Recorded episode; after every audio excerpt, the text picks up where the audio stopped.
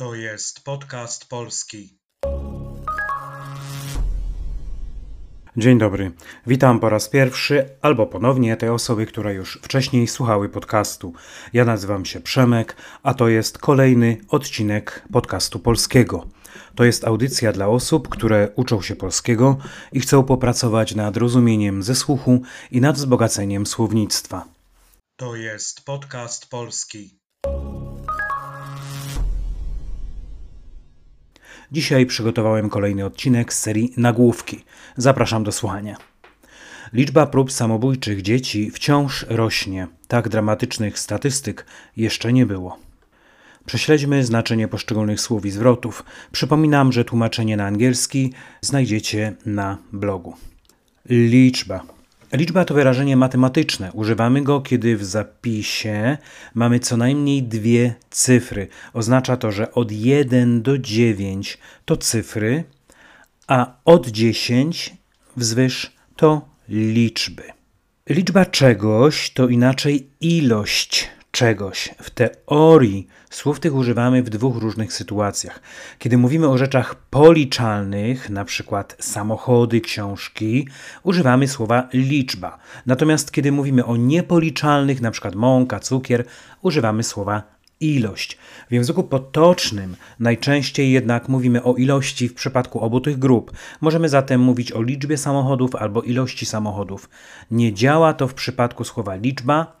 Nie mówimy nigdy o liczbie cukru czy mąki.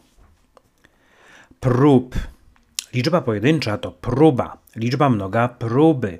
W naszym przykładzie mówimy o liczbie, ilości, a to wymaga użycia dopełniacza, dlatego mówimy liczba prób. Próba to działanie, które podejmujemy, żeby coś zrobić, osiągnąć. Mówimy wtedy, że próbujemy coś zrobić. Nie wiemy, jaki będzie wynik, ale podejmujemy próbę. Podejmować próbę ma prostszy odpowiednik próbować. Słowem próba określamy też przygotowanie do czegoś, szczególnie jeśli mówimy o występach publicznych. Na przykład grupy muzyczne i piosenkarze zwykle robią próby przed koncertem. Podobnie jest w teatrze. Żeby się przekonać, czy wszystko jest przygotowane jak należy, robi się próbę generalną. Czasownik próbować ma też inne znaczenie. Smakować, próbować jakiejś potrawy, jakiegoś dania żeby sprawdzić, czy nam smakuje. Oto przykłady. Zgadnij, co ci kupiłem. Masz trzy próby. Jutro grupa Himalajstów podejmie próbę wejścia na K2. W czwartek premiera nowej sztuki teatru Groteska. Dzisiaj będzie próba generalna. Od rana nie mogę się dodzwonić do Agaty. Spróbuję jeszcze raz wieczorem. Zrobiłem kurczaka kary. Chcesz spróbować? Samobójczych. To słowo odnosi się bezpośrednio do prób, dlatego również stoi w liczbie mnogiej i w dopełniaczu. Prób samobójczych. Forma podstawowa to samobójczy. Przymiotnik ten pochodzi od samobójstwo. Samobójstwo to inaczej zabicie samego siebie. Stąd próba samobójcza oznacza, że ktoś próbował popełnić samobójstwo, próbował się zabić. Uwaga, słowo samobójcza usłyszycie też w kontekście rozgrywek sportowych. Jeśli piłkarzowi zdarzy się strzelić gola do własnej bramki, mówimy wtedy o golu samobójczym lub bramce samobójczej. Inne przykłady. Anka ma za sobą dwie próby samobójcze. Adam od wielu lat zmaga się z depresją. Bywają dni, kiedy myśli o samobójstwie. Dzieci. Liczba mnoga od słowa dziecko. Używamy je głównie, kiedy mówimy o rodzinie, która składa się zwykle z rodziców, czyli matki i ojca, oraz właśnie dziecka lub dzieci, jeśli jest ich więcej. Dzieckiem nazywamy również każdą osobę nieletnią, która ma mało lat. Niekoniecznie w kontekście wskazywania, czyje to dokładnie dziecko. Przykłady. Anka i Maciek mają dwoje małych dzieci. Nieważne ile masz lat, dla mnie zawsze będziesz dzieckiem. W niedzielę rano na placu zabaw zwykle jest mnóstwo dzieci. Ten film jest przeznaczony dla dzieci.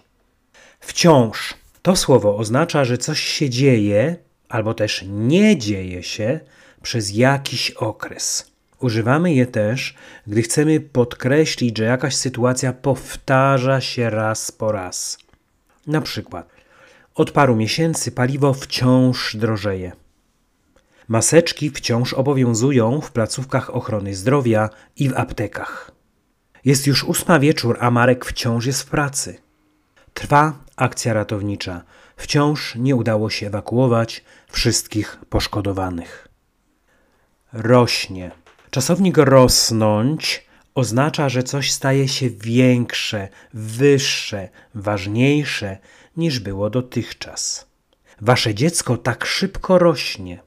Inflacja rośnie systematycznie od paru miesięcy. W ubiegłym tygodniu znowu wzrosła liczba zakażeń koronawirusem. Dzięki działaniom organizacji pozarządowych rośnie świadomość społeczna ludzi odnośnie zmian klimatu. Dramatycznych. Dramatyczny to przymiotnik służący do opisywania jakiegoś zjawiska. Ma on bardzo dosadne znaczenie. Używamy go, żeby wyrazić wielkie znaczenie, wielki rozmiar czegoś, albo też zjawisko, które niesie wielkie, poważne konsekwencje. W tym przypadku mówimy o dramatycznych statystykach, czyli takich, które wskazują na duży rozmiar problemu. Przykłady użycia. Podczas powodzi sytuacja we Wrocławiu była dramatyczna. Naród ukraiński toczy dramatyczną walkę o niepodległość swojego kraju. Z frontu dochodzą dramatyczne doniesienia. Statystyk. Słowo statystyka w liczbie pojedynczej oznacza naukę, która zajmuje się metodami pozyskiwania i prezentacji oraz analizy zjawisk, szczególnie masowych. W liczbie mnogiej słowo statystyki oznacza zebrane dane, liczby, informacje. Przykłady. Na studiach miałem statystykę, ale nie lubiłem tego przedmiotu.